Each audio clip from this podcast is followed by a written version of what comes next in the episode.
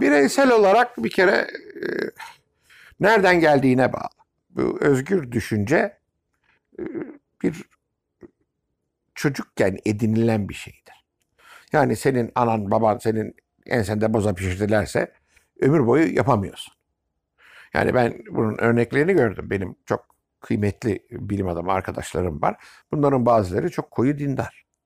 Çünkü küçük yaşlarında şartlanmışlar. Kurtulamıyor.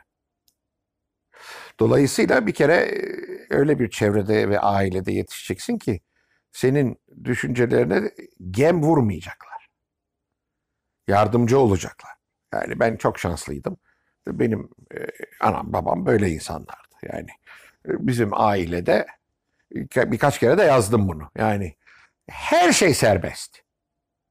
Ateist olmak bile bir tek istisna vardı. Atatürk. Yani Atatürk'e dil uzattın mı kovulurdun evden. Yani onu da herkes biliyordu. Dolayısıyla e, bir tabu Atatürk onun dışında tabu yok. İstediğini söyle.